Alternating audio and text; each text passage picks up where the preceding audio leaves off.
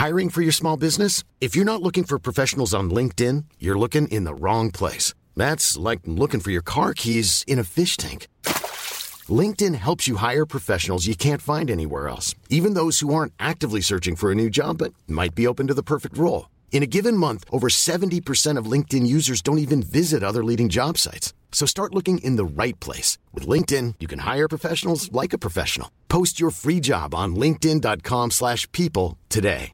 Hey, it's Paige DeSorbo from Giggly Squad. High quality fashion without the price tag. Say hello to Quince.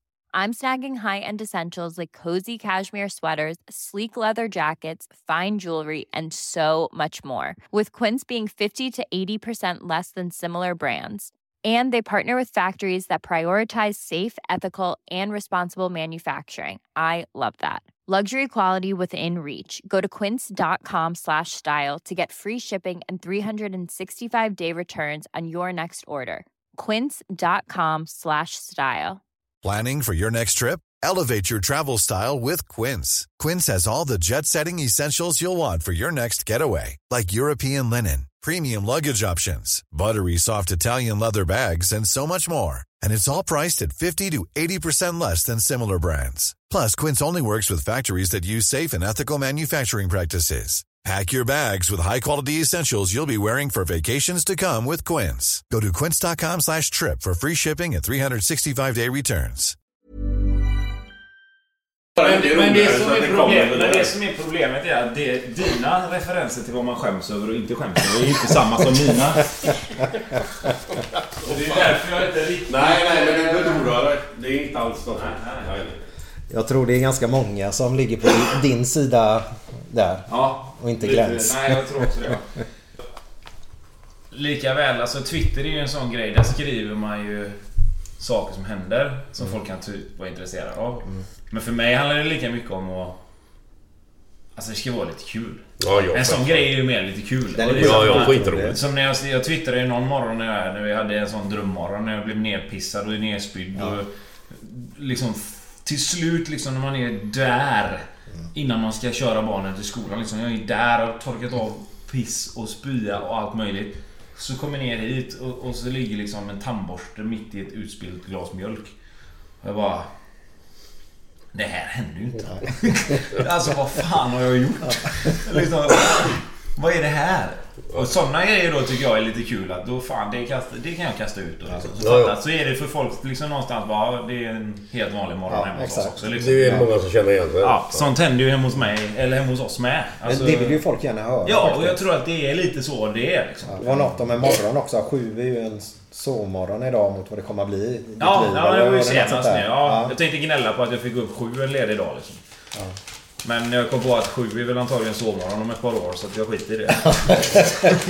Ja, men det var faktiskt eh, väldigt roligt. Ja, men det, det är lite så. Alltså försöka ha lite humor i, i vanliga grejer liksom. Alltså så. Den enda, den enda gången jag satt ut mat var när, när jag tog ett kort på Jo, jo, men- pyttipanna och ägg och så stod det 30 000 svart. Hade det. Där har du ju... Så kan man också göra ju. Det är samma nu när du skrev i krönikan att du vill vara en apa för din favorit var Baloo. Det är för fan ingen apa. det tänkte inte jag på. Det är ingen som har Annars sagt skulle jag ju vilja vara en apa. Min favorit är ju Baloo. Han verkar så jävla skön. Och du vet, Bjärsa skickade den till mig. Jag bara... Fan? Ja, men det var ingen som har sagt någonting om det. Det är ingen som har nämnt det överhuvudtaget. Nej. Det är nog bara du som har tänkt på det. Nej, hela våran tråd tänkte på det i alla fall. Jag och Bjärsa och Wernbloom har skrattat gott åt det. är underbar ju. Ja, det tänkte Jag vill bara, på. vad fan menar han liksom? Nej, jag lovar att han har inte tänkt till. Nej, fantastiskt. Eller du det- skulle vara en delfin eller vad det Va? Eller du ville vara en del, delfin i nästa liv. För de Ja. har det så jävla gött och bara hoppar och skrattar hela tiden. Ja, har det jävligt skönt de snubbarna. Man tröttnar på det också efter en stund. De blir glada. De ser glada ut hela tiden. Nu, det är blå tejp där. Det är en sån bra tejp som inte fastnar i. Nej, det är bra. För har du gjort märken i bordet så får du med frugan Ja, men det gör inte de. Det är det som är så bra. Och jag vet hur frugor är. Ja. Har du haft flera? Ändå gött att du använder ordet plural. Jag vet hur frugor är. Alla fruar är likadana då. Mina tre år.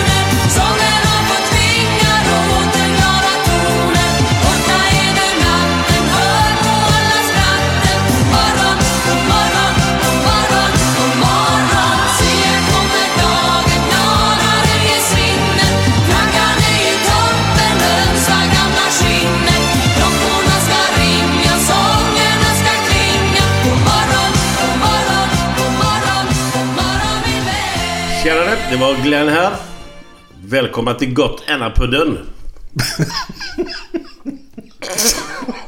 Kommer den här- kommer- kommer den här med på ett sånt här bloopersband sen eller? Vi får ta det igen. Tjenare, det var Glenn här. Välkomna till Gött Enna-podden. Idag har vi en kille som eh, jag känner ganska väl faktiskt och ni får strax reda på varför. För det är min son Tobias Hysén som är gäst idag. Välkommen gubbe! Tack så. Tack, tack. Välkommen, välkommen. Ja, tack. En ära faktiskt att få vara hemma hos dig idag också. Ja, det blev så. Det var enklast att, att göra det på det sättet. Ja, för du är ju familjefader idag. Ja, tre stycken killar har vi nu. Vad har du hela gänget idag? De är och halloween-pysslar hemma hos en eh, kompis till Maria. Eller ja, det är ju gemensamma vänner men det är Marias kompis ifrån början i alla fall. Häftigt. Men innan vi börjar med dig. Är det okej att säga Tobbe eller är det Tobias? Vad säger dina vänner? Mina vänner vill inte veta vad de säger men säg, säger du Tobbe. Det går alldeles utmärkt. Nej, man kommer säkert hålla mig till Tobias men eh, kan bli Tobbe också. Ja, det funkar ju bra som helst. Men Glenn, vi hade ju lovat i förra podden att vi skulle eh, redovisa vinnaren på hummertävlingen som vi Japp, hade. japp. Men vi är ju här måndag den 31 idag. Fast det är ju fredagskänslan naturligtvis. Mm. Eh, Så vi presenterar den vinnaren i nästa avsnitt. Gör vi. Det bör väl bli ganska bra då Ja, Mm. för tävlingen pågår ju fram till 1 november då. Gillar du hummer förresten? Ja, det är gött. Ja. Absolut. Mm. Är det mycket kräftdjur överhuvudtaget? Eh, ja, alltså jag tycker det är jättegott med skaldjur och allt sånt där. Eh, det blir inte att jag äter det sådär superofta men, men finns det läge och man är på restaurang och det finns ett alternativ där det finns ja, något i den stilen så väljer jag det ganska ofta. Ja. Är det så som elitfotbollsspelare då? Tänker man mycket på vad man äter och så eller? Eh, man ska väl göra det egentligen. Eh, men alltså samtidigt... Det blir det där, det blir en balansgång där vad man ska lägga energi och fokus på. Antingen så, så tar du allting superseriöst med, med kost och med mat och allting sånt och så går hjärnan i spinn och så kanske du inte riktigt mår bra. Eh, eller så gör du inget utav det och så kan du inte prestera för att du käkar alldeles åt helvete liksom. Okej. Så att det blir en balansgång där. Man, Jag har lärt mig att jag mår bäst av att unna mig lite saker lite då och då. Eh, och sen så får man någonstans hitta en, en bra nivå på vad man ska lägga sig där. Men det är väl så, men det är så mycket som ni tränar. Herregud, spelar egentligen ingen roll vad fan man äter. Du bränner ju allting ändå.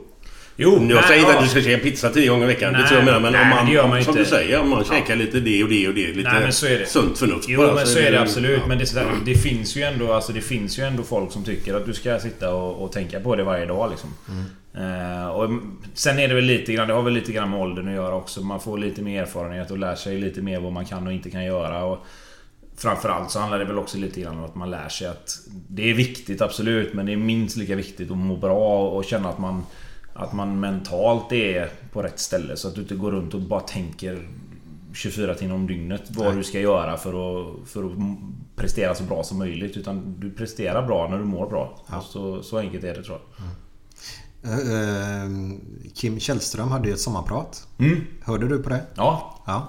För han pratade ju någonting om gram där när han kom tillbaka till eh, Moskva där då.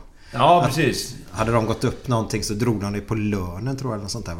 Ja, fan var det? Det var ja, helt sinnessjukt. men, men då har du, där har du det andra spektrat av det hela då liksom. Eh, då ska han gå på semester och de hade väl ledigt, jag vet inte hur länge de hade ledigt. Men då har du det där att då måste du gå och tänka på vad du gör hela, hela tiden liksom. Mm. Jag, tror inte det, är- jag tror inte det är bra. Sen, sen finns det givetvis en, en idé med att inte du ska behöva börja om från början när du kommer tillbaka efter semestern. Men jag menar de flesta spelarna, i alla fall 95% av alla fotbollsspelare som är på den nivån, vet ju vad som gäller. Ja. De vet ju att du kan inte gå upp 4-5 kilo över en ledighet för då är- hamnar du efter och då tappar du din plats. Liksom. Ja. Så att det handlar väl, som jag sa, det...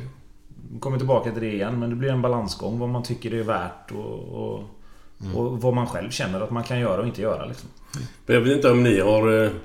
Om du, om du har fått det någon gång. Men jag vet ju själv när guys bland annat. Och det är ändå toppnivå det också, eller var. Eh, att man får med sig en... en ett A4 hem där man ska göra... Spring, ut och springa 3 km om dagen. Man ska göra så och det och det och det och det på semestern. Vad fan ska jag göra det för? Jag ska ha semester nu. Sen det går jag ut och springer och jag rör mig ändå liksom. Men ta med sig ett papper hem från tränaren. Nu har vi helt plötsligt tre veckors semester. Då ska man köra efter det här jävla det här pappret. Det är ju helt värdelöst. Ska man inte, ska man inte bara slappna av? Ja, men det... Ta en bira med. du spelar tennis, ute och rör på dig ändå. Jo, ja. jo, det kan man ju tycka. Men eh, så är det ju såklart. Vi, man ledig. Vi har ju match eh, idag och sen har vi match nästa vecka och sen är vi lediga i fem veckor. Men det är klart att vi kommer ju få med oss program hem vad, vad vi ska göra liksom. Men sen är det ju så här med att så länge du kommer tillbaka i den formen som du ska vara. Så sp- det spelar ingen roll vad du gör. Alltså kommer du tillbaka och klarar av alla löptester och alla fystester. Så skiter de nog i om du har spelat tennis eller om du har gjort exakt det som står på det programmet. Men det problemet blir om du kommer tillbaka och inte är i form. Eller om du kommer tillbaka och inte har tränat någon styrka alls. Och så kör du ett styrkepass andra dagen. Och så har du träningsvärk i en vecka sen och kan inte röra dig liksom. Det är ju, alltså... Nej, nej, nej. Man behöver ju nog inte följa det pappret slaviskt. Nej. Men du ska kanske ändå försöka att se till att göra lite grann av det som står där och så blanda ihop med lite andra grejer med då. Det är väl lite så här om du får med det pappret hem där så är det väl egentligen en rekommendation. Om du kör detta så är det fit for fight när säsongen sätter igång. Så är det absolut. Sen kan ju du välja om det står att du ska gå ut och jogga 45 minuter och du går och spelar tennis en och en halv timme så är ju det samma sak. Ja, så ja, det, ja. Det är ju lite grann... Gör något utav det här liksom. Ja. Tror jag. Men du, du sa just att eh, ni ska ju möta Elfsborg idag. Mm. Kan du förklara för mig och även lyssnarna. Hur ser en sån här dag ut för dig? Det är ju måndag idag. Eh, ja, nu, just den här dagen är väl kanske ingen... Eh, är väl kanske ingen vanlig dag då i och med att jag både varit och storhandlat och spelar in en podd. Eh, men jag försöker få tiden att gå, så kan man säga. För att det blir väldigt lätt att... En normal måndag så kör man ju barnen till skolan och, och dagis och, och sådär. Och sen så är man hemma.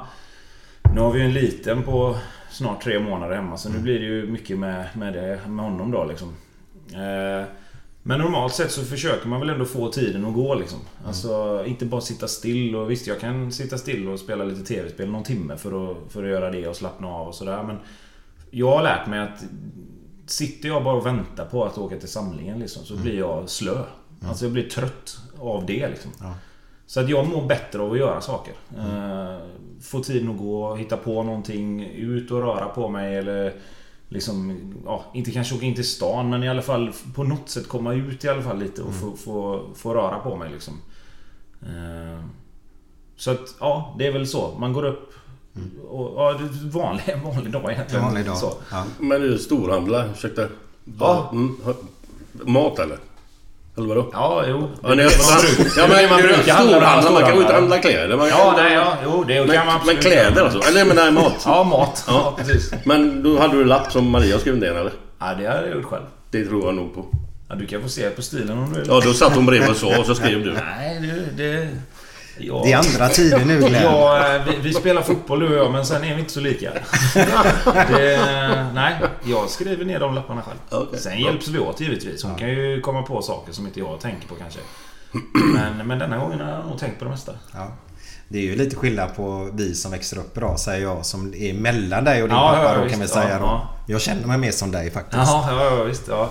Nej, sen kan ju inte alla vara som han och blivit curlade hela livet heller. Men det, ja, så är det. Ja det är så. Men sen då? Vilken tid har ni samling ikväll? Eh, vi har samling halv fem. Så att jag åker hemifrån halv fyra för att vara på den säkra sidan. Eh, hellre där en halvtimme för tidigt än... Bor jag en bit lite utanför Göteborg? Ja precis, då? bor i Kungsbacka. Samlingen är på, eh, på hotell inne i stan. Precis bredvid Gamla Ullevi. Ja. Så att... Eh, så jag åker då en timme innan för att komma dit i tid. Eh, och när man kommer dit så är det... Sitter vi och tjötar i en kvart, halvtimme någonting innan själva matchgenomgången börjar. Och sen är det matchgenomgång. Sen eh, sätter vi oss i bussen och åker 250 meter eller någonting runt... runt eh, och vad, jag vet inte vad det heter där nere men... Vi, alltså det är ju... Det är för att vi ska bara ha den rutinen liksom. Ja, vilket hotell är det Ja, vi bor... Ja, jag vet inte exakt vad det heter. Scandic Crown är det va? Det är Scan, något Scandic Mitt emot på andra sidan gatan. Precis, ja. Så då åker vi bara över med bussen och sen är det ju som vanligt då. Kommer man dit en och en halv timme innan, in i omklädningsrummet. Alla gör sina grejer. Uppvärmning, match. Men något jag inte fattar nu det är ju... Om det är en så nybyggd arena kan vi kalla. Eh, varför finns inte de samlingsrummen på själva arenan för egentligen? Varför? Nej, alltså vi hade nog kunnat ha matchgenomgången där egentligen. Ja. Men, men i och med att vi får... eh, De har ju samarbete med Scandic. Alla Scandic-hotell tror jag. Jag vet inte om alla lag i Allsvenskan har det, men jag vet att vi har det i alla fall tror jag. Ja. Och då får du ju liksom, vi har ju tillgång till deras parkeringsgarage. Liksom. Ja, okej. Och det finns ju inget garage vid Ullevi där. Så att då ställer vi bilarna där och så kan vi lika gärna ha genomgången där. Liksom. Ja. Sen när ni duschar till det på Ullevi så tar ni bussen tillbaka då eller? Nej, då går vi över till andra sidan bara. Ja, okej. Eh, för att där, innan matchen ska ju alla på plats samtidigt, men efter matchen är det olika. Mm. Eh, någon kanske har extra mycket media, någon kanske inte har spelat alls och är färdig mycket tidigare än andra. Just det. Eh, enstaka fall så är det ju någon dopingkontrollant och då Ja, får de ju sitta kvar hela kvällen. Och ska alla då sitta och vänta så blir det ju, Mm. så blir det ju svårt. Liksom. Så efter matchen så går alla när de själva vill. Liksom. Mm. Då har vi middag på restaurangen uppe på andra våningen och så när man är färdig med det så går man hem, åker man hem. Är det kavaj och skjorta som gäller eller vad är det? Ja, kostym har vi på, till, till alla hemmamatcher då. Ja. När brukar du vara hemma efter en allsvensk match? Eh, ja, vi, vardagar spelar vi ofta sju ju, så att... Ja, nio säger mellan... Mellan tio och halv elva kanske. Mm. Skulle jag gissa. Hur känns det i kroppen efter... Om att du spelar 90 minuter nu då. Ja. Utgår vi ifrån då. Ja. Eh, Hur, hur känns det i kroppen när man kommer hem så efter en match? Ja, På kvällen är det inte så farligt om du inte har fått smällar och sånt liksom. Eh, men däremot när du vaknar dagen efter, då är det värre. Okej. Och det har blivit värre och värre för varje år bara. Eh, och sen, det absolut värsta är när du kliver upp andra dagen. Ja. Då är man fullständigt... Då är du ett vrak alltså. Men hur kör ni dagen efter matchen? Tränings, Dagen efter matchen så, så då tränar vi halv tre. Eh, Då har vi genomgång på matchen för det mesta klockan två och sen har vi eh, träning halv tre. Och har du då spelat ja, mer än en halvlek är det väl oftast så har du lite fritt att göra vad du vill i, i rehab och återhämtningssyfte. Liksom. Många cyklar, vissa joggar, några kör rörlighet och, och stretch i gymmet och sådär. Och behandling med massage och vad man nu behöver. Och de som inte har spelat kör en vanlig fotbollsträning. Eh, ibland är det bara de som inte har spelat. Ibland så plockar de in lite juniorer så att det går att spela då. Eh, ja, 4 mot 4 eller 5 mot 5 eller sådär. Så att det, det kan vara olika från gång till gång. Nu kommer ju inte denna podden ut på, fredag då. Mm. Eh, vet ni till exempel nu tidsmässigt, vad är klockan nu? Den är 22. 22. Vet du om laguppställningen just nu? Ja. Det vet du? Ja. Mm. Den här podden kommer ut på fredag som sagt Ja, ja, ja. Får jag ställa en fråga? Ska du spela från start? Nej. Du ska inte det? Nej. Okej. Vad, nu ska, det kan inte du svara på naturligtvis varför då för det är Jörgen som sitter på den informationen då men eh, Senast så mötte ni ju Giffarna borta va? Ja. Och du gjorde en snygg klack. Ja. Ja, Okej. grym. Ja. Eh, och ni vann där uppe Ja. och då startade du på grund av en skada var det va? Eller Ja, precis. Eh, får, man, får man, eftersom du inte får starta nu igen då för den spelaren som blev skadad nu senast strax innan match ska inte vara med i denna matchen heller va? Nej, precis. Eh, Får man info från en eh, coach där varför man inte får starta då när man startade förra matchen? eller? Ibland... Ja, inte just denna gången. Nej. Eh, Men denna gången så förstår jag det själv. Alltså, Okej. jag kan räkna ut varför det är så. Eh, Och det, denna gången tror jag mer det var en taktisk... Ja, nu har den typ en annan uppställning nu. Ja, vi spelar på ett lite annat sätt. Ja. Och då tror jag att han vill ha en annan sorts spelare där liksom. Okej. Eh, Normalt sett så spelar vi ju 4-4-2 och, och i den här matchen så kommer vi spela lite mer med, med släpande forward eller offensiv mittfältare eller vad man ska kalla det. Okej, så fyra, så han har satt in en extra mittfältare egentligen kan man säga. Ja. Ehm, Men i, ibland kan du få det. Ibland Mm. så får du inte det. Och då är det upp till dig själv egentligen om du vill veta varför. Ja, okej. Jag är väl av den uppfattningen att oftast så vet man varför man inte spelar. Ja. Det är några enstaka gånger där man inte riktigt fattar. Mm. Men eh, då oftast får du en förklaring. Ja. Det är de gångerna när det är, när det är lite konstigt Mm. som du kan få en förklaring. Liksom. ja, men det är bra. Ja. För det vill man ju gärna ha. Är, är det tuffare? Du har ju varit i Sunderland bland annat och spelat. Är det tuffare utomlands? Alltså i, om man säger människan, har man... Jag kan tänka att ni är ganska nära Jörgen, eller?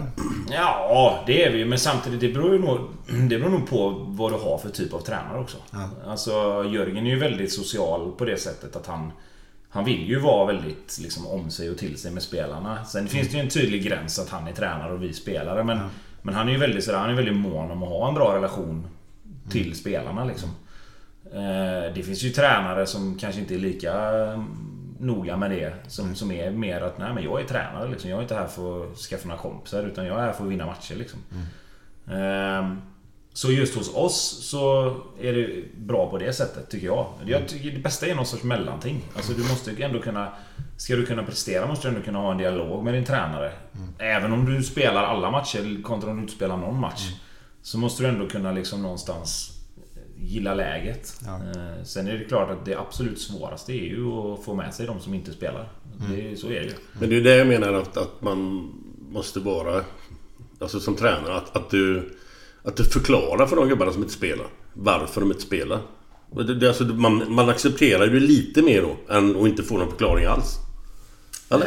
Eh, För men om jag, om jag blir sittande på banken, bänken helt plötsligt och så jaha, vad fan händer nu? Då kommer han och säger till mig då att det, är så här taktiskt eller vad fan det nu må vara för någonting. Ja, Okej, man blir ju inte mer kanske gladare för det men du får ju ändå förklaring och man kan acceptera det lite mer. Kan jag tycka. Så är det nog för många. Eh, sen vet jag ju spelare som inte vill ha liksom någon förklaring för att de håller ändå aldrig med. Alltså, Nej. nej. men det kan ju vara... Nej men det kan vara liksom alltså många gånger... Jag skulle säga av de gångerna jag har suttit på bänken i år så har jag förstått det till 90% liksom.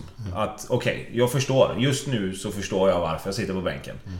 Så kommer det till ett läge där jag inte riktigt förstår och då kommer han och förklarar det. Sen köpte jag kanske inte den förklaringen 100%. Nej. Men då har han i alla fall sagt varför. Och då någonstans får du välja. Antingen så surar du ner dig och så tycker du synd om dig själv. Och det gör man. Till en början. Alltså det gör du i en timme eller två. Och sen får du välja håll. Antingen fortsätter du så gör du ingen nytta alls. Eller så får du bara okej nu är det som det är. Då får du köra liksom. Nej men det är det jag menar. Det, är ju det som jag menar att får man en förklaring så är det klart att Jo, man men sen- accepterar det mer än Ja. att inte höra ett jävla ljud. Ja, sen, sen tror jag att du kan inte som tränare hela tiden gå och motivera för, Nej. för, för tio spelare varför de inte spelar. För att, alltså du har ju oftast är det ju så här att du har du en startelva så är det ju två, tre platser kanske i varje lag oftast. Som är kanske lite mer öppna än de andra då. Att du kan göra si eller så. Och det är klart att någon gång då kanske du får motivera för en spelare. Och denna gången väljer jag att göra så här. Men du kan inte göra det varje gång. Nej, För nej. där måste det någonstans finnas en någon sorts självinsikt också. Att jag vet varför jag inte spelar. Alltså... Jo. Jag, eller åtminstone så tror jag att jag vet. Och, och har man ont av att kanske inte riktigt veta. Då, då får du gå till tränaren tycker jag. Och fråga liksom, vad kan jag göra? Eller vad, vad, vad ska jag göra för att få spela liksom? Ja. Eh, för, för många gånger så tror jag att innerst inne att man vet det. Som, som, men det är klart att det är ju, där är man ju olika som person också tror jag. Ja. Men skulle, skulle det göra någonting om du säger vilka som spelar idag? För det här kommer för, på fredag ändå. Du, får, du skulle inte nämna det eller? Men vad spelar det för roll då? Nej men det är bara roligt att höra vilka som ska spela. Jag ska då, kan, kolla. då kan jag säga till dig när vi är klara sen. Ja. ja men det är bra. Eh, Tobias, Ja. kan du bara sätta den lite närmare? Lite närmare mig, hela paketet. Ja. Där sitter ju tejpen där. Och tejpen gör ingen skada i ditt köksbord. Nej, vi snackade ju om det. Ja, Ja. det. för det är frugan som bestämmer där. Ja. Så då kom den lite närmare där. Ja, så gött. får vi upp dig lite där. Eh, Men Glenn, Ja. du ska sätta nivån. ja, jag vet inte riktigt vilken nivå vi ska sätta. Om vi ska kunna höja oss eller ska vi... Ja, jag tycker Börja det är ganska försiktigt. skön nivå faktiskt. Ska vi börja försiktigt? Ja. Okej. Då kan jag ju säga så här att det var en svensk buktalare som uppträdde i Norge. Så var han på scenen och så hade han en docka i knät. Som drog en massa jävla Norge-skämt hela tiden. Och så satt en gubbe på andra raden och så han, blev mer och mer förbannad liksom. Så vräkte han ur sig till slut. Nej nu får det fan med må nog. Nu får du sluta dra de här skämten. Helvete jag blir vansinnig på dig. Förlåt säger jag. Jag trodde, säger buktalaren. Fan, jag trodde det var inte så- så farligt. Det var ett skämt. Nej det är inte dig jag menar. Den lille fan i knät. Ja, det kan ju bli bättre. Jag skrattar inte lika mycket för jag har hört den förut. Ja, så. det är så. Brukar pappa Glenn eh, dra samma historia ganska ofta eller? Ja, alltså... De nej, det gångerna- tror jag inte. Nej, men de gångerna han drar historier så är det ofta att... Jag har ju kanske hört dem, men de som han drar den för mer har ju kanske inte hört dem. Liksom. Nej, Men det är klart att genom åren så har jag ju hört de flesta. det är så. Ja, i olika sammanhang liksom. Men, eh, men visst, har man hört, hör man dem för första gången så är det nog... Men kommer det mycket, när ändå är inne på det nu, nu kommer sådana här sidospår. Men eh, kommer det mycket nytt eller? Är det... Eller ältas det samma jävla saker Nej, jag vet faktiskt inte. Jag tror det nu, var kul. numera, men numera, jag tror inte, alltså en rolig historia. numera är nog mer någonting som har hänt. Alltså, Mm. Du vet, det händer någonting. Ja. Och så blir det en rolig historia av det. Liksom. Att man berättar någonting som hände häromdagen eller förra veckan. Eller ja, vet du vad jag hörde? Liksom, att, Eller vad fan, vet du vad jag såg på Twitter? Att det här och det här hände. Liksom, och så garvar man åt det. Det är liksom inte de här Sverige-Norge-historierna eller Bellman och tysken och Bellman och de här. Liksom. Jag de kanske inte kommer så jäkla många nya. Så. Nej. Det är ju... eh, Det är svårt också. För du får ju liksom inte... Du får inte skämta om vad som helst längre heller. Alltså, Det, det, det, det är ju en stor du kränker bov. ju alltid någon liksom. Så är det. Vi har pratat om det- med Claes Malmberg faktiskt. I den podden där. Mm. Eh, Men jag tänkte, är, är, är du också en lite skämtare så? Fast du håller på lite grann på Twitter. Och skriver om vardagliga saker som händer ja, i ditt liv. Ja, så kan, ja, det kan jag göra. Eh, Jag försöker väl att hålla det på en nivå så att det ska vara bra liksom. Ja. Eh, Det får, det får liksom aldrig, det får aldrig bli att man... Alltså det, det, går i perioder det där också hur mycket aktiv, hur aktiv man är. Men det, Ja. jag vill inte att det ska bli liksom att man blir en sån som syns där hela tiden heller. Alltså så. Utan jag försöker hålla mig på en bra nivå. Sen Mm. om folk tycker det är det eller inte, det är ju upp till, till var och en såklart. Betraktaren som Ja, men, eh, men visst, jag kan väl... Jag försöker väl att ha lite humor i, i vissa grejer där med. Alltså inte bara skriva rakt upp och ner vad som händer. Men Nej. Det är som sagt det är återigen upp till de som läser det och tycker det är kul eller inte. Liksom. Men du, Tobias. Vi ska gå tillbaka till din fotbollsbakgrund som pojk. Ja. För den kan jag väldigt lite om faktiskt. Eh, har ju följt dig då sen du började spela i Häcken och sen Djurgården och så vidare ut till Sandland, Blåvitt, Kina, Blåvitt, Kina, Blåvitt. Ja, Ungefär ja, va? Var det två Ja. gånger? ja, du missade det där. Vilket var det? Nej, det var... Det var några år där. Du har inte, har inte koll på det eller? Nej, jag bara skojar. Det var bara en gång. Ja. Nej, för jag tänkte Förlåt. nu Kina Ja, och så Göteborg ja, Kina ja, igen. nej, nej. Ja, ja, fyra gånger fram och tillbaka. Men han, pendlar ju. Det hade kunnat lura han fullständigt här nu. för Jag hade inte alls Nej, nej, nej. Men du var en eh, talang i tennis när du var liten också. Eh, ja, jag vet inte hur mycket talang, men jag spelar tennis i alla fall. Ja, du var duktig. Ja, jag var väl ganska duktig. Alltså... ju Sen topp. är det svårt att... Det var ju topp fan. Topp top fem i Göteborg i din åldersgrupp. Ja, det vet jag inte, men det kanske jag var. Det, alltså jag var ju... Jag spelade tennis när jag var 6 och 13. Ja, okej. Och vi spelade olika turneringar och sånt där och... Ja, eh, ja, jag hade väl kunnat bli okej, tror jag. Om jag hade lagt fullt fokus på det. Men eh, fotbollen gick alltid före. Liksom, var det tennismatch eller fotbollsträning så var det fotbollsträningen som, som gick före. Så att eh, till slut blev det liksom ett... Ja, det blev ett litet val där egentligen vad jag ville göra. Eh, skulle man satsa på tennisen så var jag tvungen att lägga ner 4-5 dagar i veckan på det. Liksom. Och då hade jag fått sluta spela fotboll. Och det var aldrig aktuellt. Nej. Så att... Det var kul. Eh, men, men det var aldrig mer än så. Liksom. Nej. Men fotboll då? Har du alltid varit en talang eller? Eh, Alltså, var, var, du behöver inte vara blyg nu. Nej, utan- jo men det har jag väl alltid... Jag har väl alltid varit bland de bättre i mina lag. Så, Ja. Mm. så är det väl absolut. Eh, jag har väl aldrig varit kanske bäst, tror jag inte. Nej. Det har alltid funnits en eller två spelare som har varit... Eh, alltså lika bra eller bättre. Alltså jag har alltid spelat i ganska bra lag. Alltså Mm. vi har alltid varit framgångsrika och vunnit kupper och serier och allt sånt där. Så det har ju alltid varit en, en samling med ganska bra spelare liksom. Mm. Sen har jag väl alltid varit bland de som var bäst. Mm. Och- jag har alltid gjort mycket mål. Eh, Så att det, det har väl funnits eh, en viss talang givetvis. Så är det ju absolut. Men då pratar vi, för jag... Lundby spelar du va? Ja, jag började spela med min kusin uppe i Ubbhult när jag var fyra och ett halvt. Det var- Ubbhult, vart ligger det? Det ligger... eh, Var ligger det? Hällingsjö. Typ. Skulle säga att det ligger mellan Hällingsjö och Hällesåker. Alltså, men mer i Hällingsjö tror jag. Eh, Jag var uppe där och hälsade på dem ibland och liksom, någon gång så var vi iväg på fotbollsplan och han skulle spela. Och, och så var de någon man kort och då, jag hade alltid med mig mina fotbollsskor. Så då började jag spela där, så var jag där ett tag och sen så blev det för långt att köra från Länsmansgården upp till Hällingsjö.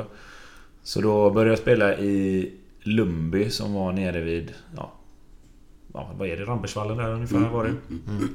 Spelade där i ett par år. Eh, Lindholmens BK sen uppe, som var uppe i Länsmansgården. Eh, spelade Var det där den planen som ligger bakom, om man säger mot skogen till? Ja, Svarta Det är där. mossen heter det ju där Ja, uppe. det. Ja. Eh, Så där var det... Så spelade jag där och sen gick jag tillbaka till Lundby. Eller vi gick nästan hela vårt lag i Lindholmen gick till Lundby. 90, innan säsongen 95. Eh, det året vi skulle börja spela på 11 Så då är du 13 år, för du är född 82. 82 precis, ja. Så ja. det året man började spela på 11 då var ju... Var ju när man, det året man skulle fylla 13 då. Mm. Så 95 gick jag till Lundby, var där, spelade. Gick... Ja, det gick bra där. Gick jättebra där. Mm. Hade en jättebra tränare, Bob, som... Eh, som... Ja, lärde mig egentligen det mesta om det sista man skulle kunna innan man blev senior egentligen kan man säga. Eh, sen hade jag, gick jag till Häcken. Vilket år är vi inne på nu? Nu gick eh, 99, eller ja, december 98 kan man säga. Men, ja. men innan säsongen 99 så gick jag till Häcken då. Mm. Eh, Lundby åkte ur division 1 södra. Och jag spelade två matcher på slutet där med, med A-laget i Lundby i division 1 södra. Som 16-åring då? Som 16-åring precis. Eh, men kände att ja, Häcken hade velat ha mig ganska länge där och eh, Blåvitt var väl inne i bilden lite också efter... efter jag var sommarproffs där på sommaren. Men det blev Häcken. Eh, de hade Mikael Källström som tränare som var Kims pappa. Mm. Uh, och... Uh, ja, han, han var ganska övertygande. Mm. Han, uh, han fick mig att förstå att där kommer det gå bäst. Okej. Okay. Han, han fick också förstå att man måste springa lite på en plan eller? Ja, jag... Det var inte första gången Om annat så blev jag varse av det sen så att... okay. eh, var du lat alltså? Lat vet jag inte men jag, i och med att jag var forward så... Jag har väl alltid sprungit så mycket som jag behöver typ. Ja. Men han eh, fick mig att förstå att man måste göra lite mer. Ja. Var, var han duktig? För det, vi pratar om Kim Källströms pappa nu mm, Ja, precis. Ja, var han duktig tränare? Ja, det, jag tycker det. Han var bra för mig i alla fall. Ja. Eh, det kan jag säga. Det var han absolut. Nu tränar jag bara med Tipselit i fem månader eller något. Sen blev jag uppflyttad till A-laget. Okay, och då så hade jag Kjell Pettersson och Gunnar Islason där. Mm. Men det är klart, jag spelade ju med Tipselit två år. Och sen kom ju Micke ihop med Jörgen Lennartsson upp och tog över Häcken då. 2002. Eh, så då fick jag han igen då. Men han... Eh, jag har väl alltid behövt någon som har kanske legat på mig lite. Som mm. kan pusha och säga ifrån lite mm. så. Så att för mig var han, var han jättebra. Mm. Men då måste du spela ett stadslaget också då eller? Ja, jag var med mot slutet. Alltså från... Oh, säg att jag spelade i stadslaget i två år kanske. Inte mm. från första början utan Nej. det blev lite, lite senare. När det började vankas elitpojk och så var jag ju med. Och, mm. Mm. och var med och vann SM i... i ja, det hette ju Folksam Cup på den tiden då. Mm. Så det var jag ju med på. Men då, ja, det var... Spela ibland och satt på bänken ibland liksom. Det var inte solklart att jag skulle spela där. Men Kim var med där också då eller? Ja, Kim var ju den stora stjärnan. Det var så? Ja, det var han. Ja. Absolut. Var det någon mer? Eh, ja, då hade vi det ganska många. Vi vann ju som sagt SM där. Så vi hade rätt många bra spelare. Vi hade en kille som heter Kenneth Gustafsson som spelade i Kortedala då. Som gick till Malmö FF sen. Okay. Eh, så att han var ju med. Och sen hade vi en kille som hette Dime Kutsev som, gick till, som var i ÖIS. Han kom från Gunnise från början tror jag. Som gick till ÖIS. Eh, som eh, också var väldigt, väldigt duktig. Eh, egentligen, de, de var duktiga upp till det blev seniorfotboll. Sen mm. tog det lite stopp för dem. Men det, undrar, vad hände då? För det var så jävla många som var, som var bra. Både i Lundby ja, och Häcken men det är väl och Lindholm, men, men, men, det är väl den där naturliga utslagningen också. Alltså tittar du på, på stadslag och, och, även... Jag menar, vi hade ett fantastiskt lag i Lundby också med 6-7 gubbar i stadslaget. Men det blir det där. Alltså tittar man statistiskt så är det ju inte så jäkla många som som tar sig igenom det där eh, nålsögat när man ska upp i seniorfotboll. Eh, vi... Eh, nej, hade du frågat mig då så hade jag nog inte trott att de som föll bort var de som skulle följa bort, falla bort. Äh, falla bort, falla bort ja. Utan jag hade väl trott att det var fyra, fem stycken där som skulle bli riktigt, riktigt bra. Men så... Many of us have those stubborn pounds that seem impossible to lose. No matter how good we eat or how hard we work out. My solution is PlushCare. PlushCare is a leading telehealth provider with doctors who are there for you day and night to partner with you in your weight loss journey. They can prescribe FDA-approved weight loss medications like Wagovi and Zepbound for those who qualify. Plus, they accept most insurance plans. To get started, visit plushcare.com slash weight loss. That's plushcare.com slash weight loss. Mom deserves the best, and there's no better place to shop for Mother's Day than Whole Foods Market. They're your destination for unbeatable savings, from premium gifts to show-stopping flowers and irresistible desserts. Start by saving 33% with Prime on all body care and candles. Then get a 15-stem bunch of tulips for just $9.99 each with Prime. Round out Mom's menu with festive rosé, irresistible berry chantilly cake, and more special treats. Come celebrate Mother's Day at Whole Foods Market. I'm Sandra, and I'm just the professional your small business was looking for. But you didn't hire me because you didn't use LinkedIn jobs. LinkedIn has professionals you can't find anywhere else, including those who aren't actively looking for a new job but might be open to the perfect role, like me. In a given month, over 70% of LinkedIn users don't visit other leading job sites. So if you're not looking on LinkedIn, you'll miss out on great candidates like Sandra.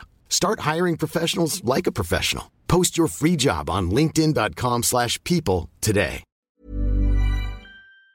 Men ändå någonstans på vägen... Ja, slutade utvecklas, fick andra intressen. Alltså det, det gick inte lika lätt. Nej, som senior som, eller som, som, som junior. Liksom. Kan det vara det som gör det? Alltså att det går för lätt för vissa? Sen orkar de inte bita ihop när det, när det väl krävs liksom. Men för vissa spelare man har spelat med är det absolut så. Mm.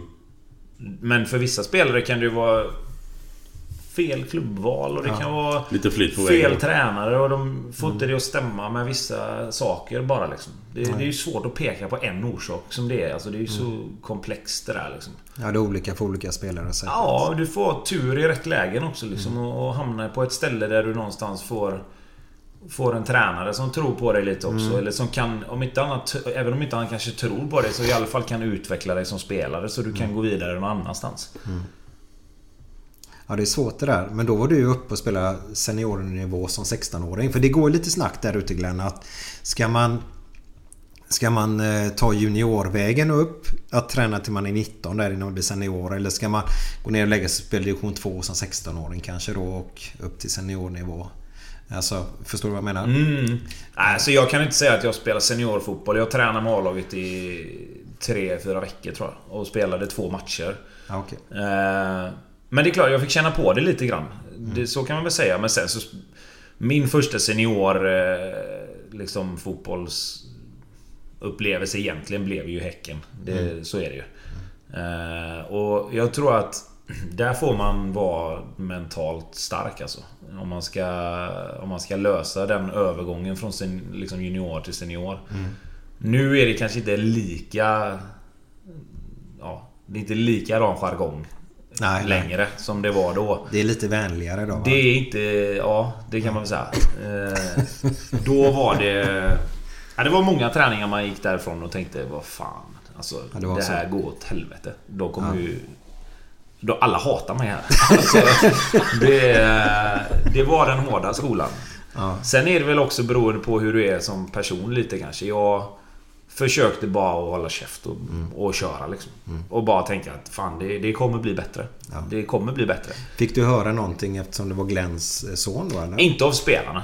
Nej. det har aldrig varit något problem. Nej. Eh, det har det inte varit. Utan det var väl mer liksom den där att du inte... Liksom att man, man var ju inte tillräckligt bra när man kom upp. Alltså, men någonstans är ju ingen det. Utan du måste ju... Du måste ju bevisa dig själv i början. Och det tar... Sex månader innan du känner att... Det tog mig sex, sju månader innan jag kände att fan nu... Nu är jag inne i tempo. Nu vet jag vad jag ska göra. Jag kan inte gå in i en duell där utan jag måste vara snabbare. Eller så får jag göra något annat. Och man lär ju sig... Du, man måste lära sig spela som en senior. Alltså, du kan inte göra de här juniorgrejerna. Sen gör man det ibland ändå. Men, men det tar ett tag alltså. Och den perioden måste du ha både lagkamrater och tränare som förstår att det kommer ta tid liksom.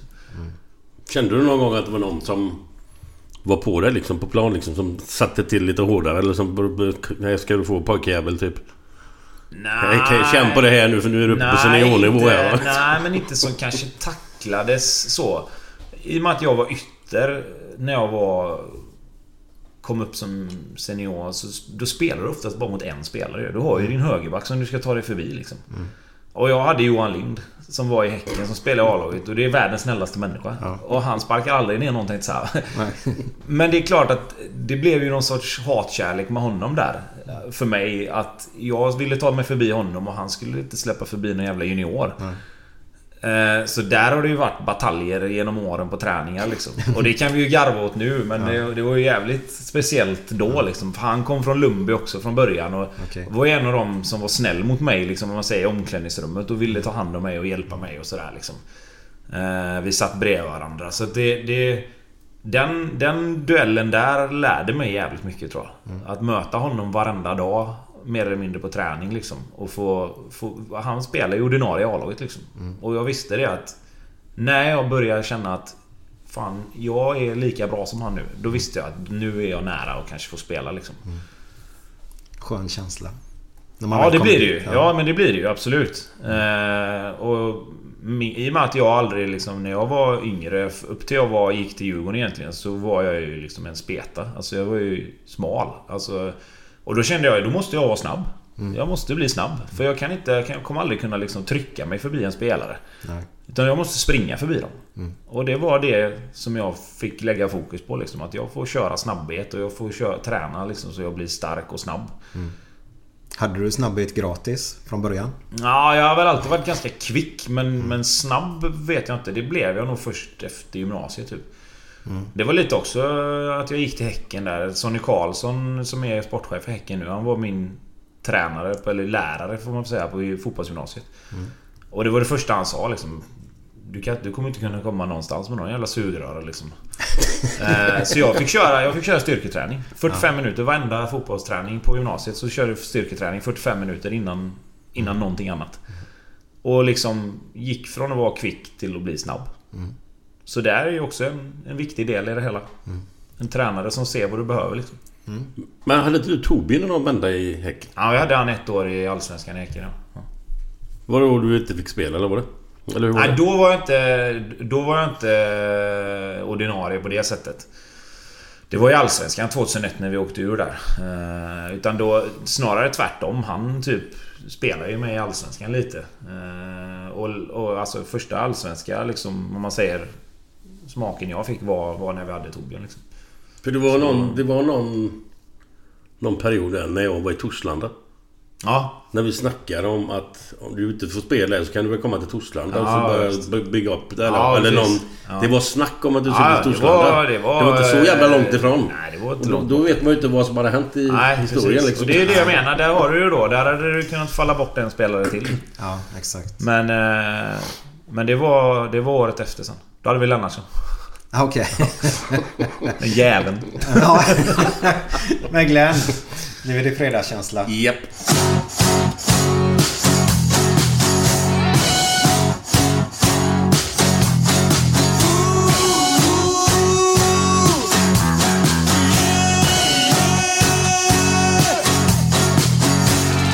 Måndag morgon, inte bra. Tisdag morgon, Torsdag morgon, det är inte bra. Fredag morgon, lite bra. Fredag lunch, mycket bra. Fredag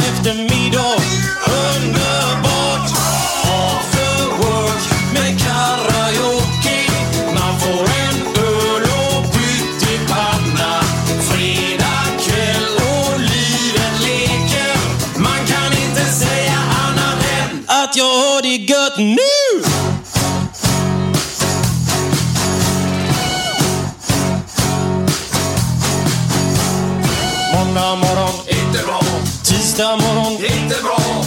Onsdag morgon, inte bra. Torsdag morgon, inte bra. Fredag morgon, lite bra. Fredag lunch, mycket bra.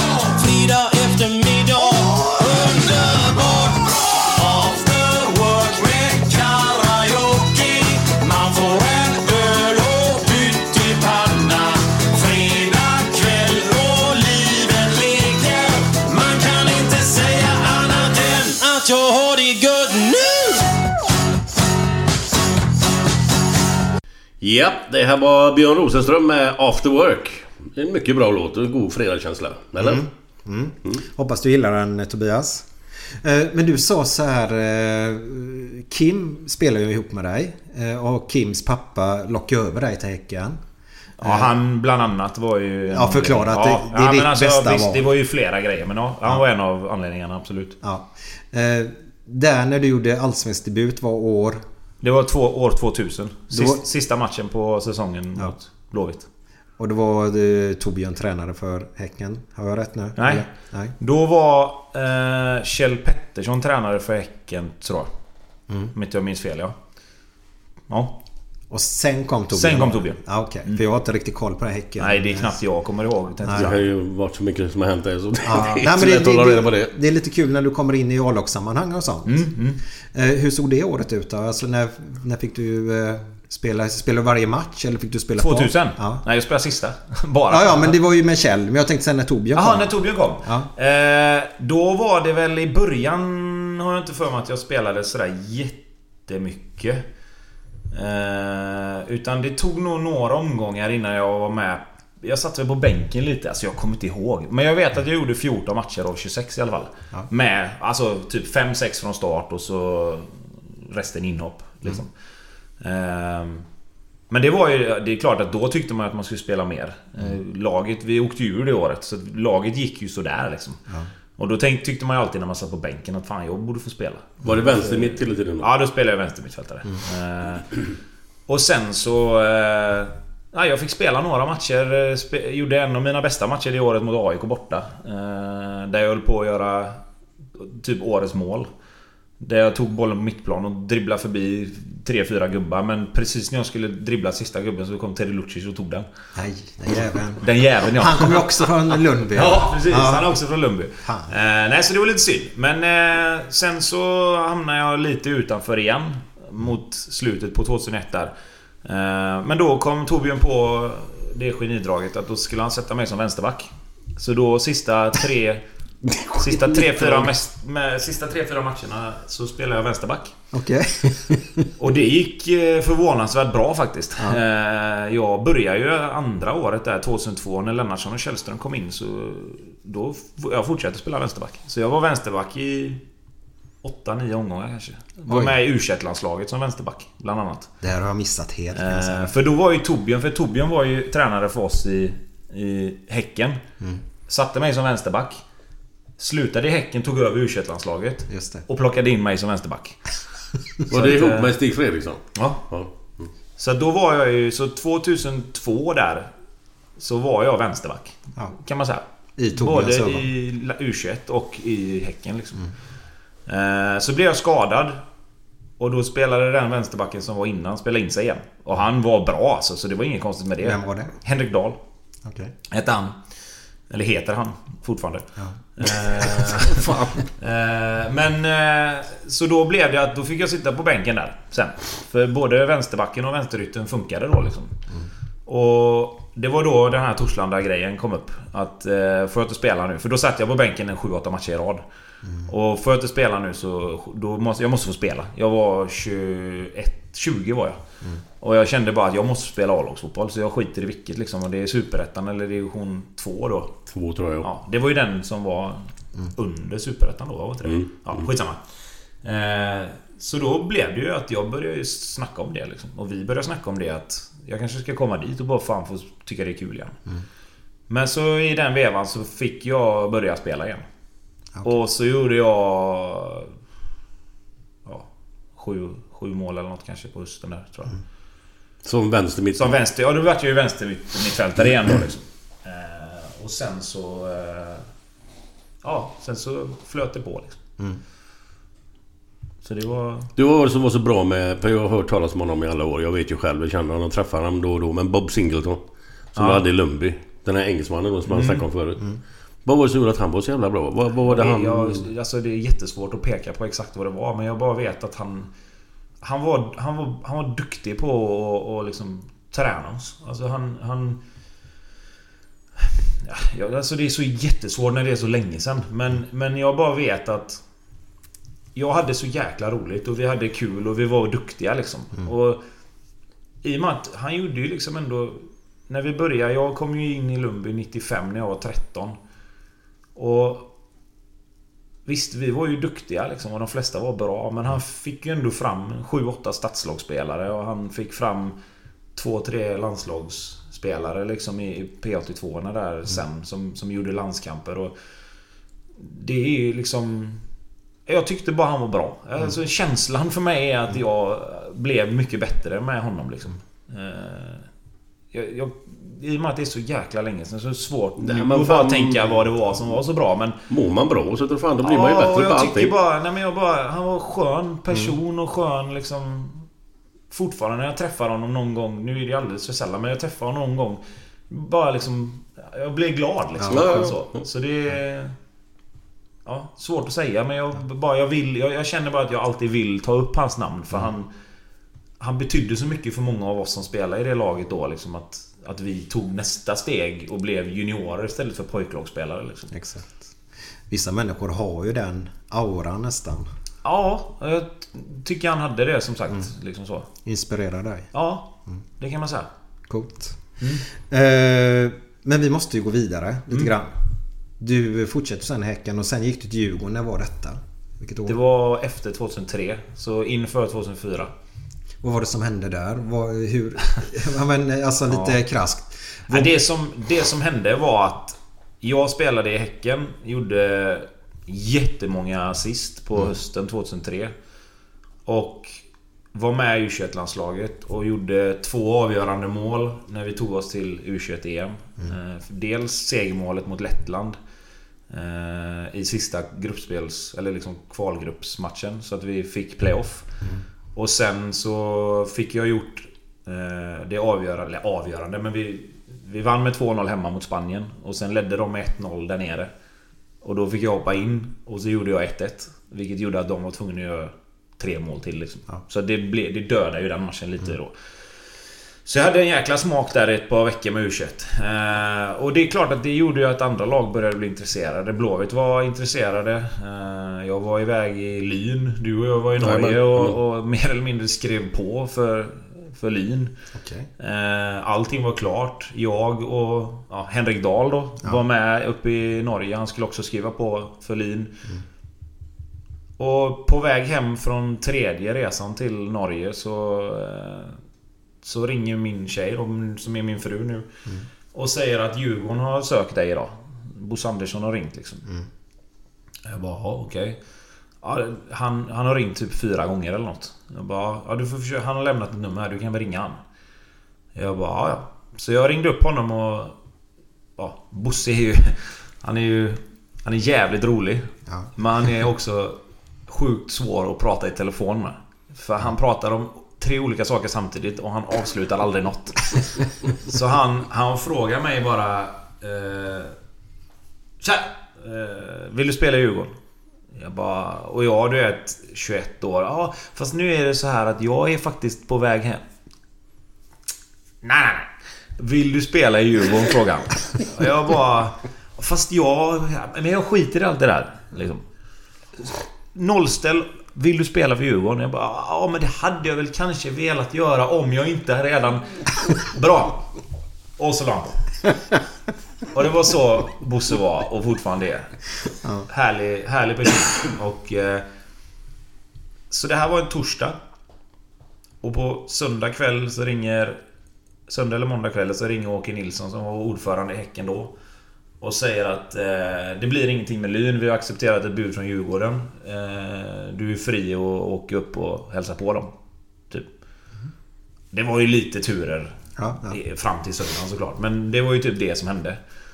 Så på onsdagen veckan efter Så var jag uppe i Stockholm och hälsade på där. Och du var uppe i Stockholm. Ja. Och vi satt på Scandic på eftermiddagen innan jag skulle åka hem igen. Och då sa Bosse Ja men du kan få det här. Och då säger han Nej, vi ska ha det här. ja, vi kör då! Så att eh, från att mer eller mindre varit klar för... eh, Från att mer eller mindre varit klar för Lyn på torsdagen så hade jag skrivit på och var klar för Djurgården på onsdagen sen. Fan vad häftigt. Men att, du, eh, Bosse Lundqvist var med också. Ja, Bosse Lundqvist var med och Ordföranden, käkade. för det var ju en Ordföranden i jävla bra gubbe. Ja, ja. Kanongubbe. Ja, ja. Nej men alltså de, det var, det var kanon där uppe också. Vi, vi drog och käkade julbord och liksom... Han tog med mig ut. Jag fick träffa Soran Lukic och Stefan Rehn och... Jättebra liksom överlag så. Så det är klart att när jag var där så kände jag väl att... Fan, det är klart att, jag, att det är hit jag ska. Eh, Så är det ju bara. Och då kommer ju hela tiden följdfrågan att man Blåvitt då? Och Blåvitt la alla sina pengar det året på att värva in Peter Ije. Så de hade inte ekonomiska resurser till att lösa mig från Häcken. Och det sa Häcken till mig ganska tidigt. Att det här kommer aldrig ske liksom. De kommer aldrig kunna skrapa ihop tillräckligt för att ge oss det vi vill ha. Så att det är lika bra att du släpper det. Eh, och det här var ju innan Lyn kom in i bilden till och med. Så att... Eh, men det är klart att det blev lite liv där på, på Lyn såklart. De kände sig överkörda och...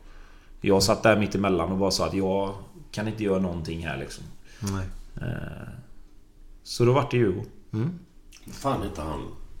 Morgan Andersson. Morgan Andersson hette han, norrmannen som... Morgan Andersson. Lyn, ja. Och han var väl på två håll? Var inte han... Ja, han... eh, Han jobbar för förbund eller? vad? Det Han hände, det, det hände lite grejer där sen kan Ja. man säga utan att säga för mycket. Ja men något. Nej, jag kan inte alls turerna. Men jag vet att det hände grejer där. Han Okej. var inte... Det var grinigt. Nej, men naha, nej, ja det var det väl säkert. Men eh, han, eh, om inte jag minns helt fel så var väl lite han... Han, han körde väl inte alltid alla grejer helt som man ska göra. Nej. Så han åkte väl Lite- dit sen tror jag. Ja, Lite idje-affär.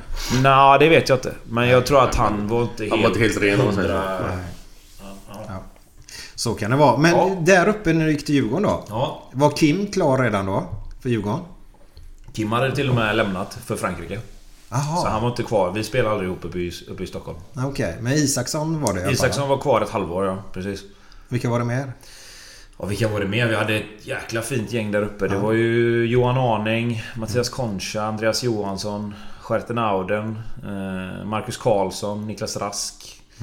Halvvägs in första året kom ju Marcus Johannesson. Eh, Dorsin. nej, Dorsin var Var han med. Nej.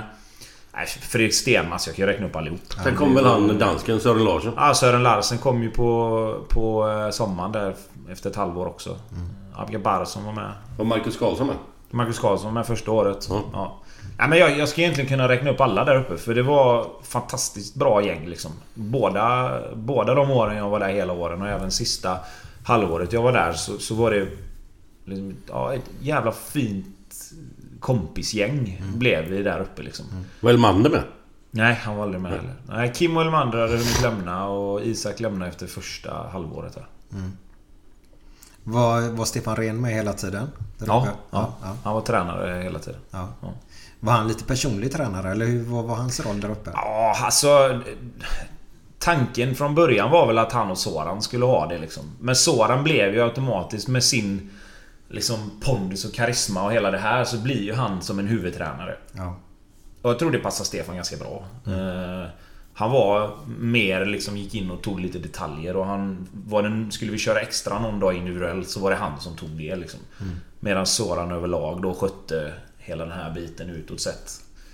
Eh, Och sen så gick det inte så jävla bra första halvåret där uppe. Eh, Så då lämnade ju Soran, eller då- de tog in Kjell Jonevret som om man säger någon sorts övercoach då. Eh, Och då sa Soran tack och hej liksom och, och, och lämnade. Och Stefan Rehn blev kvar och de plockade in Lasse Sandberg. Som blev... Ja, Stefan och, och Lasse blev tränare medan Jonevret var någon sorts Okej. manager, headcoach-aktigt liksom så. Eh, Och den konstellationen visade sig funka jävligt bra. Eh, Vi, vi vann ju kuppen där på, på hösten och sen så tog vi ju dubben året efter. Så att det, blev ju, det blev ju bonus absolut där. Men sen drog du ut till Sandland. Mm. På sommaren eh, 2006. Eh, Men då innan vi kör den nu så har jag ju hört... Eh, du har... Ja, jag har hört Tobias att du har getingskräck. ja. Stäm, stämmer detta? Ja. ja, jo det stämmer. Varför har du getingskräck? För att det är fullständigt onödiga djur. Getingar menar Ja, jag. det är, de fyller ingen funktion mer än att flyga runt och jävlas. Men du måste bli stungen flera gånger. Nej, jag har faktiskt... Ja, det är ju också en sjuk historia, det kan jag ko- komma tillbaka till. Men jag tror att jag blivit stucken en gång när jag var typ fem eller sex år. Ja. Men det har med det att göra. Jag, bara, jag kan inte komma ihåg att jag var rädd för getingar och liten men... Eller, alltså det är inte så att jag springer iväg och gömmer mig. Men jag tycker bara de är, det är obehag, de är obehagliga. Alltså de är bara... Uh, nej. Ja. Så det är inte du som tar hand om getingarna när de flyger in Nej, här då? nej, herregud nej. nej. Eh, Men jag, på tal om getingar, jag eh, blev faktiskt stucken under matchen mot Elfsborg på Borås Arena. Eh, vi stod på någon, jag vet inte om det var inlägg eller hörna vi stod på. Så helt plötsligt så bara känner jag hur det sticker till och så tittar jag ner på armen och så sitter en geting där som jag viftar iväg. Så jag, eh, jag och Simon Hedlund skrattade lite åt det. Han såg vad som hände, eller Okej. han, han hörde väl att jag sa typ bara Aj vad fan. När var detta sa du? I år. På Borås Arena. Jaha, okej. Så att det ja, onödigt djur. De Onödigt fyller djur. säkert en funktion. Men inte Det gör de säkert. Jo, men har du inte sett den? Du som har barn, har du sett en B-movie? Eller vad heter den? Ja, ja, ja. Men det är ju bin det. Getingar är inte bin. Nej, men det är väl fan samma Det var sak. ungefär samma sak. Nej, nej. Ser du skillnad på ett bi och en geting? Ja, ja. Bin är ju mycket mindre. Okej. Getingar är ju stora som fan ibland. Ja, men det är drottningarna på våren vet du när de ska hitta bo. Vet ni när de firar jul? Bina? Ja, det är väl någonstans när julen är förbi eller? Ja, exakt. Som sagt, jag har hört de här förut. är det alltid Glenn som håller tag i alla komiska varianter? Jag skulle försöka ta ner ett getingbo ute i Torslanda när vi bodde där vid hus. Så hade vi poolen precis bredvid. Jag var uppe och viftade med en kvast. Det kom ju 6000 getingar rätt ut bara så här, Mot mig så jag tänkte nej, det är inte mycket att göra. Hoppa i poolen med kläder i helvete. Ja, Hur fan, jag fick ett stick. Jag kunde få 150 000 stick. Ja, ja de är luriga. ja. Ja. Eh, Men vi är ju där som vi var i eh, Sunderland nu Ja. då. Men förhandlingen där med eh, Djurgården då hjälpte Ja. ju pappa till. ja. Men nu hade du agent nu då? ja nu hade, vi, hade jag en kille som hjälpte mig som heter Jonas Svensson. Ja, i Ja. det andra eh, fanns det ingen målvakt som hette Jonas Svensson? Nej, Håkan Svensson kanske du tänker Håkan på? Svensson var det. Nej, Jonas Svensson eh, fick jag, eller fick, jag tog honom som rådgivare när jag var i Häcken. Jag spelade ihop med hans bror. Niklas. Okej. Eh, och sen har de en tredje bror som heter Mattias Svensson som spelade i England i många år i Charlton och Norwich. Och... Ja, men han är Elfsborgaren eller? Nej. Ja, precis. Ja, precis. Så att eh, de tre bröderna där och då ja, började jag jobba med Jonas när jag var i, i Häcken då. Eh, så då var vi över och hälsade på där och de ju, hade ju en fantastisk anläggning och Liksom det var ju någonstans var det ju drömmen att komma till England och få spela liksom. Det är det man har växt upp med och Även om de låg i, låg i Championship då så eh, Var det stort för mig att få, få gå dit. Det var ändå en stor klubb liksom. Alltså, man hade precis åkt ut Premier League och ville gå upp igen och hade börjat jävligt dåligt. Så de, de var lite desperata att få in spelare som, som kunde hjälpa dem då. Eh, Med facit i hand så var det inte helt bra att gå dit någon vecka innan de skulle få ny tränare liksom. Nej. Eh, Det var ju ingen tränare där när jag kom utan de skulle hålla på och satsa på att få en ny tränare liksom. Eh, Och som jag sa, jag skulle nog väntat och sett om den tränaren ville att jag skulle komma dit. Eh, För de sa att han visste att de skulle signa en vänsterytter men Det är klart att då tänkte man ju bara ah, men vad fan vad bra, då är det lugnt liksom.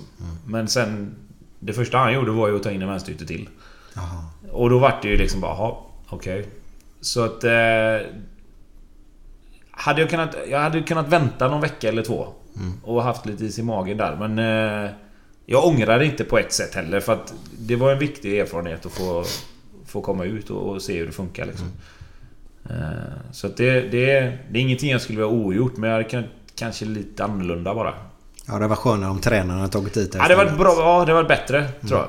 Men det var inte vem fan som helst hade. Nej, det var ju Roy Keane som var tränare. Gamla United-gubben han, eh, men han var bra. Han var jättebra. Även om inte jag fick spela så mycket som jag tyckte. Det, det får man väl alltid... Det, Eller det tycker man väl alltid. Så på tal om det där att vara ärlig och rak så, så sa han det liksom. att Just nu är du tillräckligt bra. Men du har massa kvaliteter och gör du det här och det här och fokuserar på det här och det här så kommer du få spela. För det finns... Det finns mycket potential och liksom... Jag ser ändå att, att du har någonstans det som krävs. Eh, så att... Det var väl det att jag inte riktigt... Dels kanske inte 100% trivdes. Eh, och dels så... Var det en ny situation att sitta på bänken och inte få vara med liksom. Och då... Var det kanske lite tuffare än vad jag kanske hade förväntat mig. Okej. Eh, Så det var väl massa olika parametrar som gjorde att, att, att efter första året där att vi valde att sticka hem igen. Men du gjorde ju en del mål där. Ja, jag gjorde väl en fyra, fyra mål och en fyra, fem assist kanske. Ja, för att hoppa in. Ja, jag spelar ju ju istället. Jag spelar 14-15 matcher från start och hoppa in lika många liksom. Så att det var... okej. Det var liksom inte så. Jag var med. Jag var, gjorde jag? Typ 28-30 matcher till slut ändå. Så det var inte så. Men det var mer att vet, man gått från att liksom vara någonstans stjärna i ett Ja, lag exakt, till att bli... Ibland inte ens sitta på bänken liksom. Nej. Och då, det var lite tuffare än vad man kanske hade väntat sig tror jag. Det är väl det som kan vara det tuffa när man går från junior och är stjärna upp till senior då också. Ja, det är lite samma sak. Och man tycker att man borde vara mer förberedd på det när man är lite, lite äldre och man säger vuxen då. Men, eh, men det kanske är mer att som junior så kanske man räknar lite mer med att det ska ta lite tid innan man kommer in i allt. Och som, som vuxen så tänker man att nej men fan det här blir bara ytterligare... Det är bara göra samma sak liksom. Så att... Eh, ja, det, det får man ju aldrig veta. Har du ingen skön historia han, Roy Keane? Han måste ju vara... en- Eh, fast han... Alltså, det, samtidigt, han är ju så jäkla slipad så att det var ju liksom... Det var ju aldrig egentligen så mycket. Men... Skällde han aldrig ut någon eller sparkade sönder en papperskorg eller något eller? Tog ju någon taktiktavla någon gång och... Det var... Nu, jag- alltså jag vill inte... Jag vill inte säga exakt. För jag kommer inte ihåg riktigt. Men jag tror att det var så här. Att vi mötte Cardiff hemma tror jag. Och nu, det här låter jag osagt om det är exakt så här, men jag för mig det i alla fall. Och då hade de en spelare som hette Michael Chopra, som ledde skytteligan liksom. Och då var hans enda order innan matchen var liksom, han ska inte ha bollen liksom. Ni, håll koll på han. Om ni så ska liksom stå och bära han, så han ska inte få ha bollen liksom, för han gör mål. Så ko- ha koll på han nu liksom. Jag tror det tog fyra minuter så hade han gjort mål. Och sen kom vi in i halvlek och så stod det 2-1 till Cardiff och han hade gjort båda. Då bytte han båda mittbackarna, båda mittbackarna i halvlek. Bara för att liksom... Och då var det nog en sån grej, du vet, typ att han tog en tavla och bara Den här behöver vi inte för vi liksom... Vad fan, vi gör ju inte så ändå. Eh, så det var... eh, Det var väl en grej. Sen om det var exakt så ska jag inte svära Nej, på, men men jag har för mig att det var något liknande i alla fall. En väldigt speciell människa. Säkert väldigt skön för de som känner honom. Ja, jag, tyckte, jag tyckte man fick en annan bild av honom som person än vad man trodde att han skulle vara. Sen hade han ju sina... Han fick ju sina liksom eh, utbrott. Men det, jag tyckte då var det liksom förtjänat på något sätt. Vi låg under och hade spelat dåligt. Och spelade vi bra så var han lika mycket åt andra hållet. Han kunde berumma spelare något fruktansvärt också. Alltså nästan överdrivet liksom berumma vissa spelare ibland för att de hade gjort det bra liksom. Eh, Så jag tyckte, jag tyckte om han som tränare. Alltså, han var bra liksom. Och samtidigt, han har ju en enorm respekt gratis för att han var den spelaren han var. Så jag visste ju att säger han någonting om fotboll så har han ju antagligen rätt. Alltså, hade han någon sån här före detta spelare med sig som aldrig tränade så eller? vi hade ju en kille som hette Tony Lochlan. Eh, jag vet inte om han var elit, elit. Men... Eh, han eh, var assisterande tränare. Jag tror han hade spelat i Leicester. Om jag inte minns fel. Jag visste inte vem det var. Men, men han det var också typisk liksom, engelsk andretränare. Liksom, skön kille. Liksom, med den här goa gubben som du kunde snacka med och liksom sådär. Så att... eh, Nej, det var, det var inget konstigt med det. Liksom. Så. Men hur var det i slutet där innan du åkte hem om man säger? Var det väldigt... Du förklarade situationen eller? Eller hur var det? Nej, jag sa till honom att jag längtar hem, mer eller mindre. Alltså, eller jag sa till honom, vi har inte riktigt kunnat finna oss till ro här liksom. Och vi har inte riktigt trivts så bra. Eh, och sen så kom ju Blåvitt in i bilden på sommaren där när vi var hemma på semester. Och då blev liksom... Först var det liksom bara fan vi, har ändå gått upp i Premier League liksom. Ska jag inte ge det här en chans och i alla fall åka tillbaka och se vad som händer? Men ju mer... Ju mer jag pratade med folk och ju mer jag själv liksom började tänka på att fan det är ändå Blåvitt liksom. Då lockade det mer än att spela i Premier League. Egentligen. Att äntligen då till slut Hamna hamna i Blåvitt liksom. Har det alltid varit en stor dröm för dig? Ja, ja, oh, ja. Det är så ja. Ja, ja, så är det ju. Absolut. Och det har med din pappa och din farfar och detta att göra eller? Ja, det har väl med allt att göra. Alltså varför blir man supporter till ett lag överhuvudtaget? Alltså någonstans så börjar ju ett intresse och, och, och växa liksom. Och det är klart att när man har då en farsa som spelar i Blåvitt och som har gjort allt det som de har gjort. Så börjar det ju där. Och sen när han flyttar utomlands så... Alltså jag fortsätter ju hålla på Blåvitt. Men det är väl likadant där. Varför håller jag på Liverpool? Jo, det är klart att jag gör för att han spelade där liksom. Ja. Så att... Eh, det, det är väl så det är. Liksom. Mom deserves the best, and there's no better place to shop for Mother's Day than Whole Foods Market. They're your destination for unbeatable savings, from premium gifts to show-stopping flowers and irresistible desserts. Start by saving 33% with Prime on all body care and candles. Then get a 15-stem bunch of tulips for just $9.99 each with Prime. Round out Mom's menu with festive rosé, irresistible berry chantilly cake, and more special treats. Come celebrate Mother's Day at Whole Foods Market. Hi, I'm Daniel, founder of Pretty Litter. Did you know cats tend to hide symptoms of sickness and pain? I learned this the hard way after losing my cat, Gingy. So I created Pretty Litter, a health monitoring litter that helps detect early signs of illness by changing colors, saving you money and potentially your cat's life. Pretty Litter is veterinarian developed, and it's the easiest way to keep tabs on your fur baby's health right at home. Go to prettylitter.com and use code ACAST for 20% off your first order and a free cat toy. Terms and conditions apply. See site for details. Mom deserves the best, and there's no better place to shop for Mother's Day than Whole Foods Market. They're your destination for unbeatable savings, from premium gifts to show-stopping flowers and irresistible desserts. Start by saving 33% with Prime on all body care and candles. Then get a 15-stem bunch of tulips for just $9.99 each with Prime. Round out Mom's menu with festive rosé, irresistible berry chantilly cake, and more special treats. Come celebrate Mother's Day at Whole Foods Market.